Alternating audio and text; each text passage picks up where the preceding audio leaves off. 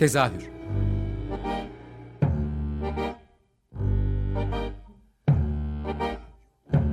İstanbul tiyatro hayatı üzerine gündelik konuşmalar. What keeps mankind alive? What keeps mankind alive? The that billions are daily tortured, stifled, punished, silenced and oppressed.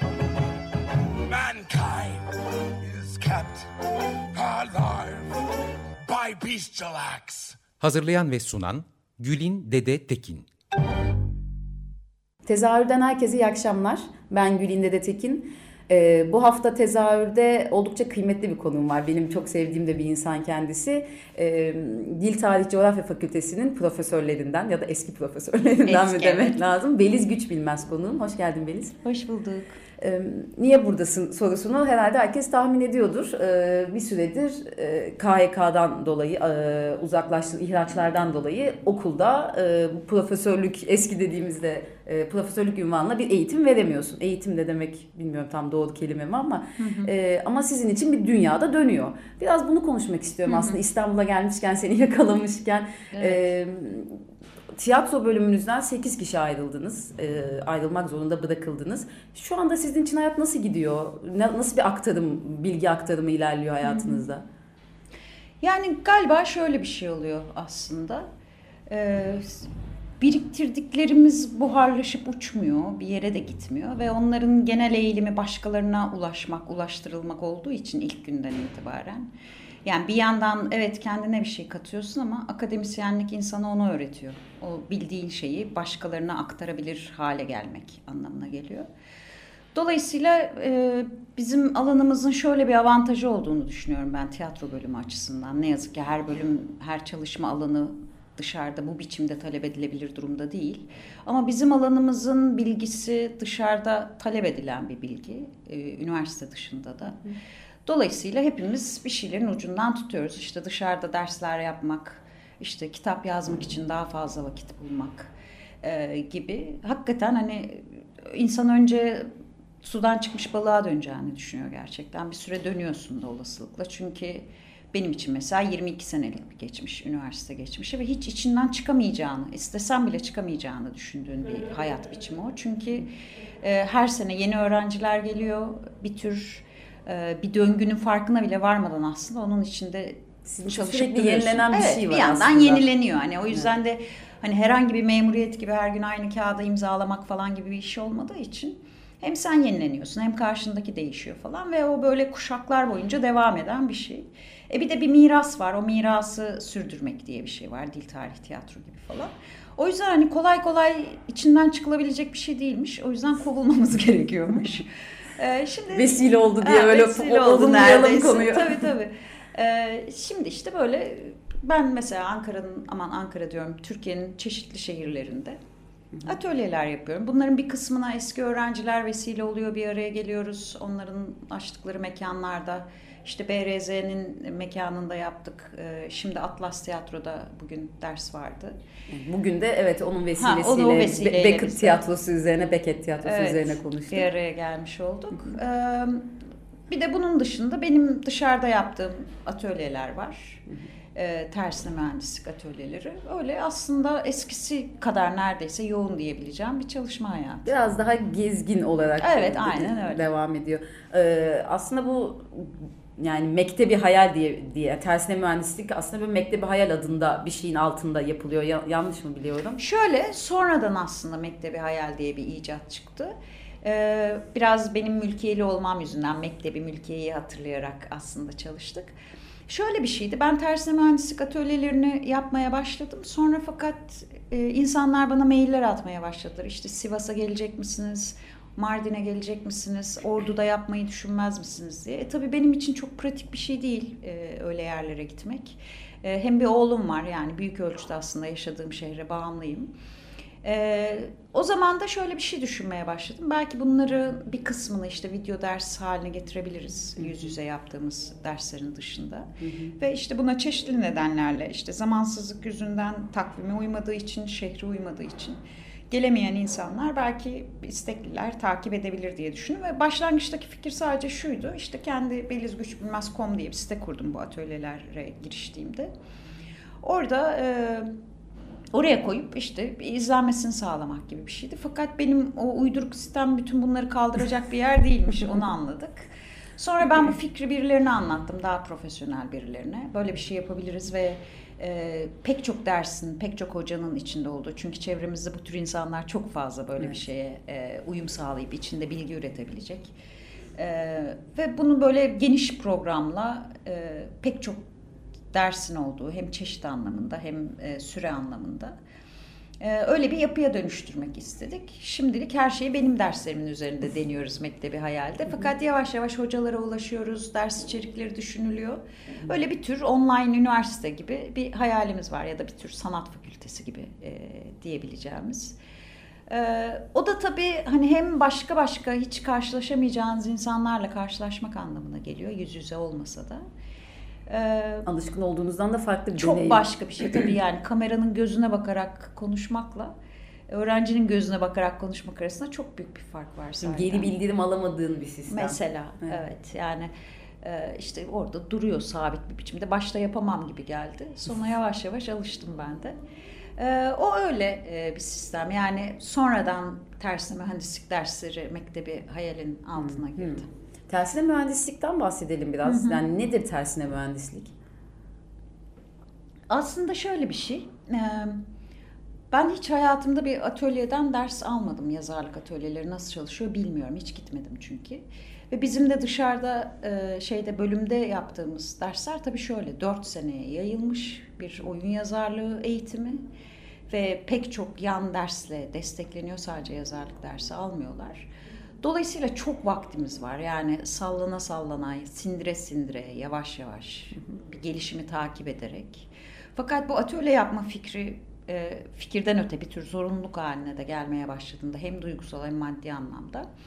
E, tabii şunu düşünmeye başladım. Hani insanların oradan kısa sürede gerçekten bir şey almış oldukları düşüncesiyle çıkmaları gerektiğini düşündüm. O yüzden de çok kompaktlaştırmak gerekiyor tabii eldeki. Bütün sistemin bilgi. değişiyor aslında. Bir yıla yaydığın Kesinlikle, şeyi. hatta dört. Bir, küçük bir hap olarak. Tabii tabii. Ee, ve zihin bunu aramaya başlayınca da çok net görmeye başlıyor bir sürü şeyi. Kendi yani bunca yıldır bakış açısı aynen öyle. Benim için de bir bak, tabii benim için de o bakış açısı çok değişti. Önemli Bunu yaşıyor. kesinlikle ve Mesela ilk yaptığım bundan iki sene önce tersine mühendislik atölyesiyle şimdi yaptığım arasında dağlar kadar fark var. Çünkü yolda da gelişiyor tabii. Onun da bir hmm. organik hayatı var. Sen öğreniyorsun, gelenden öğreniyorsun falan. Şimdi olabildiğince olgunlaşmış bir atölye. Çünkü 24. kez falan verdim herhalde en son bitirdiğimizde o grupla. Ee, temel fikri şu aslında atölyenin e, şunu iddia ediyor. Diyor ki işte bir öykünün nasıl kurulduğunu anlayabilirsek kendi öykümüzü de ona göre kurabiliriz. Dolayısıyla bir tür okurluk atölyesi de aynı zamanda. Hmm. Yani yazmaktan ziyade bir şeyi nasıl evet. analiz edeceğin. Aynen öyle. Yani e, bir öykünün bayağı o yüzden tersine mühendislik. Radyonun içine bakar gibi radyo yapmak için. Bir öykünün içine bakıyoruz öykü yazmak için. Hmm. Dolayısıyla önce okurluğumuzu bir cilalıyoruz, temizliyoruz, ona başka terimlerle yaklaşmayı öğreniyoruz. Ne tür araçları e, dikkate alabileceğimizi anlıyoruz. Sonra da aşağı yukarı oradan bir formül çıkarıp o formülün aslında nasıl dönüp başka metinlerde sınanabileceğine bakıyoruz. Devam turunda öyküleme teknikleri diyorum ona. Orada filmler ve romanlar üzerinden çalışıyoruz. İlk tersine mühendislik atölyesinde sadece Raymond Carver'ın Katedral e, öyküler derlemesinden, Katedral ismiyle basılan Oradan derste bayağı birlikte öykü okuyup o öyküleri hmm. konuşuyoruz. Ve hep bir teorik çerçevemiz var. Onlar onun örnekleri her seferinde. Nasıl bir matematiğini arıyorsun işin? Tam olarak öyle.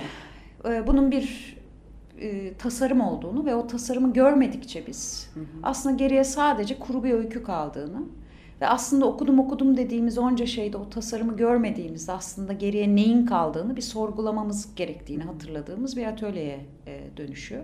Hep şu örneği veriyorum yani Anna Karenina'yı okumuş olabiliriz, okuduk. İşte Anna Karenina'nın hikayesini en basit haline indirdiğinde bayağı bir sabah kahvaltısında annenden dinleyebileceğin bir dedikodu aslında. Evet. Hikaye dediğin o kadar ama şunu görmeye başladığında yani Anna Karenina trenden iner. Orada istasyonda bir e, birinin e, raylara düştüğünü öğrenir. Ama başka bir şeyin telaşındadır o sırada. İşte bavul toplanacaktır, abisiyle karşılaşacaktır falan filan. Öyle bir geçi verilir üstünden. Sonra 400 sayfa okuruz. Finale geldiğimizde Anna Karenina kendini tren rayına attığında, böyle intihar ettiğinde o ilk baştaki şeyi artık unutmuş bile olsak aslında o orada onun için vardır. Ve ben o yüzden hep şunu anlatmaya çalışıyorum. Yani bir metni bir kez okumak hiçbir zaman bu yapıyı görmemize izin vermiyor. Mutlaka bitirdiğimiz yerden bir daha başlayacağız ve şimdi o finali okuduğumuzda o başlangıç bizim için daha oradan ürpermeye başlayan bir şey anlamına geliyor ve her şeyin niye orada olduğunu, niye konduğunu oraya onu görmeye başlıyoruz. Daha çok polisiyelerde falan düşünülür o ya tabii. aslında öyle bir şey değil Hepsinde. bu bütün romanların. Hepsinde yani bütün kurmaca yapıtlarda, sinemada, öyküde, romanda, oyunda ne dersek hepsinde aşağı yukarı bunun nasıl işlediğini görmek gerekiyor ve hep aynı biçimde işliyor aslında. Onu görmek önce bir parça dehşete kapılmasına neden oluyor katılımcıların görebildiğim kadarıyla. Yani hem şu ya hep oradaydı bu ve biz bu kadar okuduk nasıl görmemiş olabiliriz gibi bir his. Ben onu son zamanlarda şeye benzetiyorum işte şehirde olup yıldızları görmemeye. Hani şehir dışına çıktığımızda işte bir bakıyoruz ya gökyüzü böyle bir yermiş ve ben bundan hep mahrumum diyoruz. Bayağı bunu gördüğümüzde o bizim için kurulmuş görkemli yapıyı insanın hakikaten yıldızlarla dolu bir gökyüzüne baktığı gibi gözleri de olmaya başlıyor evet. romanı okurken. Çünkü o zaten yani kurmaca demek, sanat demek bir tasarıma bakıyor olmak demek aslında. Geriye yoksa hakikaten kuru bir hikaye, dedikodu bir şey öyle bir malzeme kalıyor. Şey de ilginç oluyor şu anda tabii e, dinleyicilerin bundan haberi yok ama az önce Beckett, Beckett'deki neden, sonuç işte e, o süreç olmayan bir hikayeden bahsederken şimdi e, bu kurmacadaki evet tam da tersi bir şeyden bahsediyoruz yani e, o konvansiyonel konvansiyonel evet. halden. O ilginç oluyor benim kafamda şu anda bir sürü Aa, şey dönüyor yani. Ama tabii e, hep şunun altını çiziyorum yani geleneksel bir biçimde bir öyküyü toparlamak ne demek? Hı hı. Aslında üzerine çalıştığımız şey bu. Öykü nasıl kurulur? Hı. Yani nasıl yazılır tek tek cümleleri değil mesele ama nasıl kurulur? Nasıl planlanır? Tasarımı nasıl yap oluşturulur? Buna çok bakıyoruz. Klişe bir cümle vardır ya hani yazmak için çok da okumak gerekir gibi. Ama orada galiba senin söylediğin şeyde nasıl okuyacağını da bilmek gerekiyor. Böyle bir şey. Kesinlikle. Bir de hani ben ona okurluk obezitesi diyorum. Aa şu da çıkmış okuyamadım, bu da çıkmış okuyamadım yerine aslında bir zamanlar bizi etkilemiş, çekmiş metinlere geri dönüp niye sevmiş olduğumuzu anlamak. Aslında anlamadan anlamış olduğumuzu hmm yani neyin orada çok kıymetli, kuvvetli olduğunu ve neyin etkisinde kaldığımızı aslında. Çünkü bizim benim e, anlayışıma göre etkisi altında kaldığımız şey işte onun onu o biçimde öldürmesi, kadını öyle aldatması, böyle Hikaye kavuşmaları değil. değil. Onun bize nasıl anlatıldığı.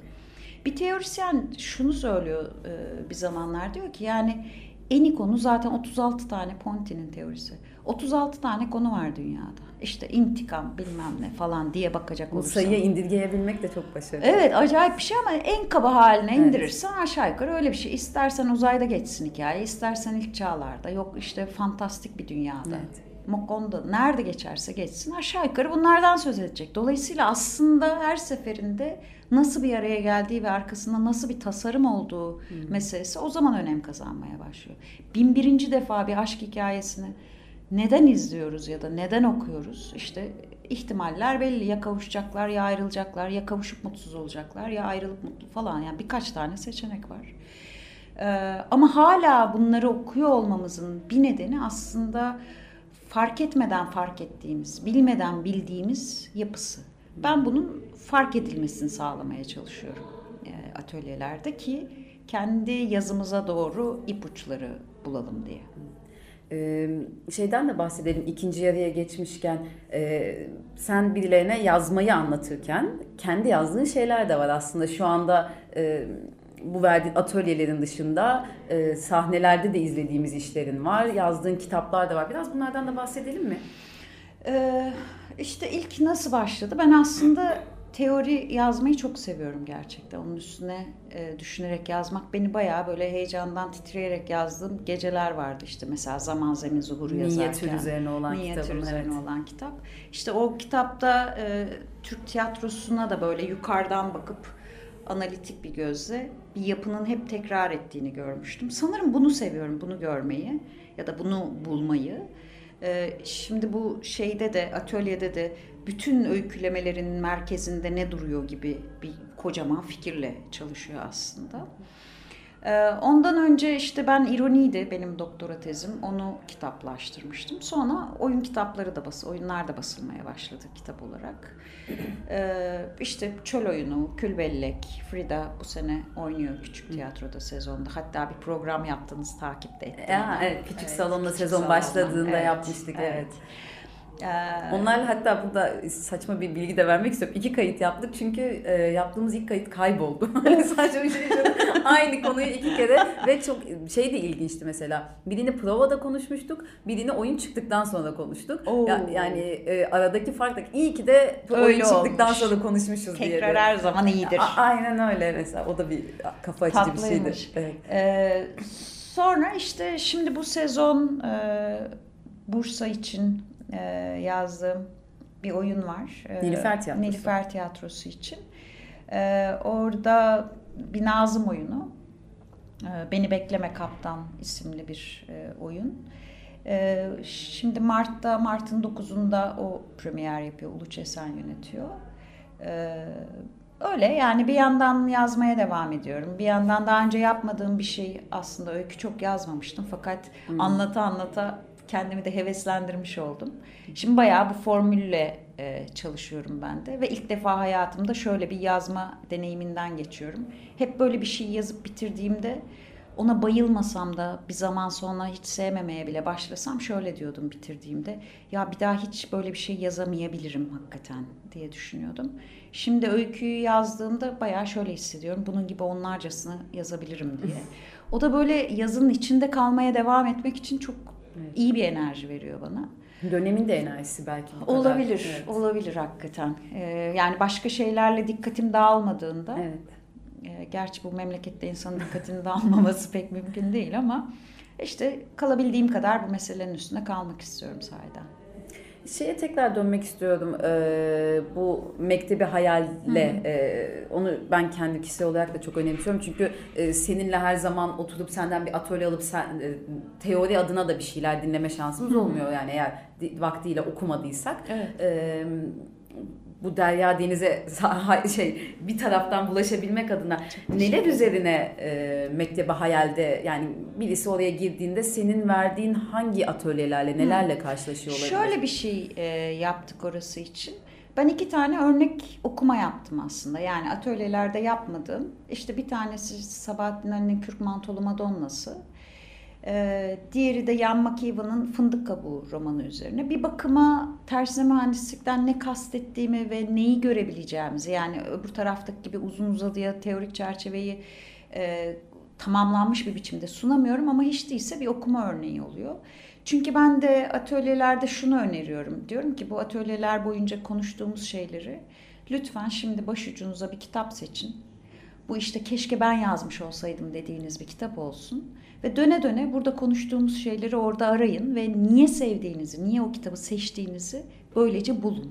Çünkü oradaki aslında tasarımı e, görüp seveceksiniz. Şimdi aslında onaymış hayranlığınız, onaymış tutkunuz ve yazmak istediğiniz yön o tarafa doğruymuş e, gibi bir fikre çıkmalarını sağlıyorum. Dolayısıyla bu örneği kendi başına yapamayacaklar için de atölyeye gelip buna vakit ayıramayanlar için ya da hiç bu fikirle karşılaşamayacak olanlar için öyle iki tane roman örneğiyle öyle bir şey yaptık. O okumalar sürebilir. Bir de bir yandan da e, tiyatro anlatmayı özlüyorum tabii. E, edebiyat konuşuyorum artık sürekli.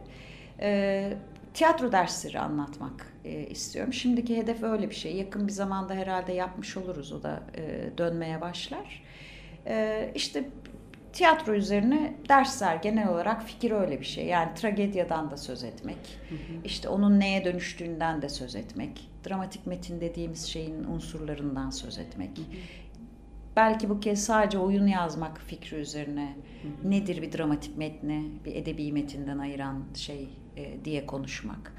O türden bir e, tiyatro dersi içeriği de üretmeye çalışıyoruz şimdi. Bir yanı sıra da o tersine mühendislik okumaları devam edecek başka metinlerle. Ee, bu son 3-4 dakikamızda çok popülist bir soru soracağım ama Beliz Güç Bilmez erken yaşta da profesör olmuş hani Türkiye şartlarında e, bir insan ve bir sürü şeyden bahsettin. Hani şu anda okulda ders vermediğin süreçte de yaptığın birçok alandan edebiyat, tiyatro Hı. vesaire sahne, sahnelenmekte olan oyunlar dramaturjisini yaptın hepsi onlardan yanılmıyorum değil mi? Onu da evet. dramaturjisi sende.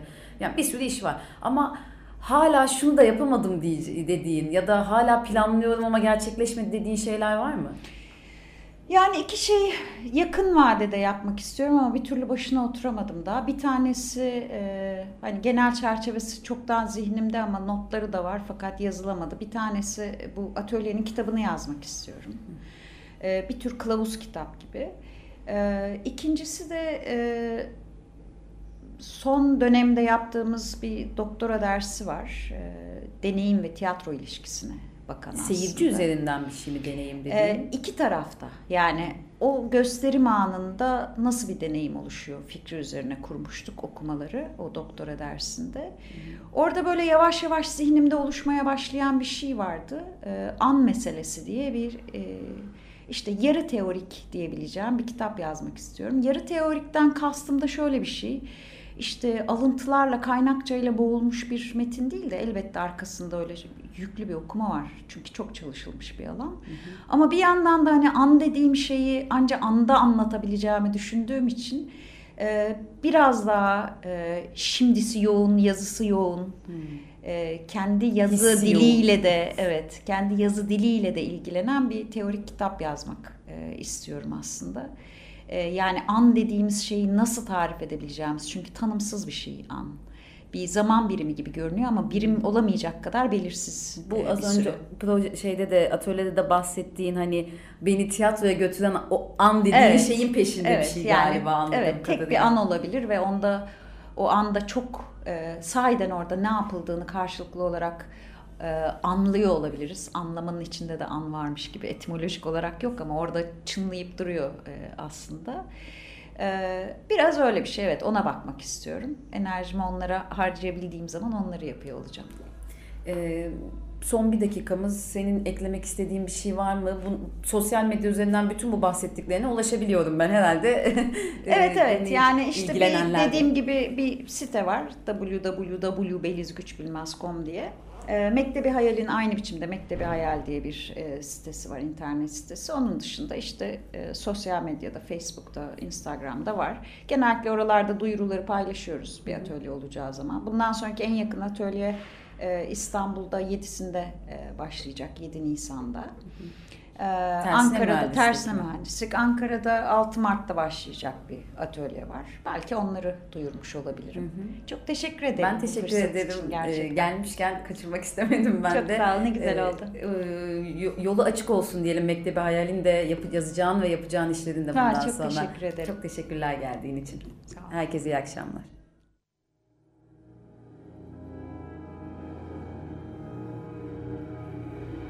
Tezahür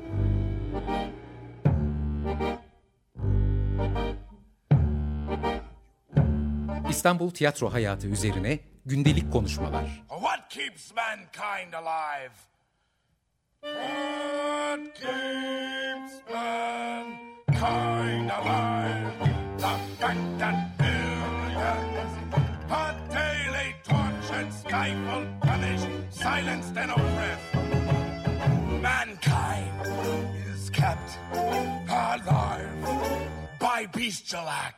Hazırlayan ve sunan Gülin Dede Tekin Açık Radyo program destekçisi olun. Bir veya daha fazla programa destek olmak için 212 alan koduyla 343 41 41.